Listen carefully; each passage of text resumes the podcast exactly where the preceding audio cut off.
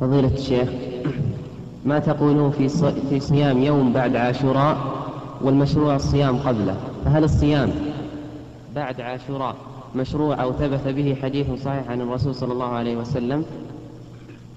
نعم في في مسند الإمام أحمد صوموا يوما قبله ويوما بعده خالف اليهود وفيه لفظ أو يوما بعده ومخالف ومخالفة اليهود تكون إما بصوم اليوم التاسع كما قال النبي عليه الصلاة والسلام لئن بقيت إلى قابل لأصوم التاسع يعني مع العاشر وتكون بصوم يوم بعده لأن اليهود كانوا يفردون اليوم العاشر فتحصل مخالفتهم بصيام يوم قبله أو يوم بعده.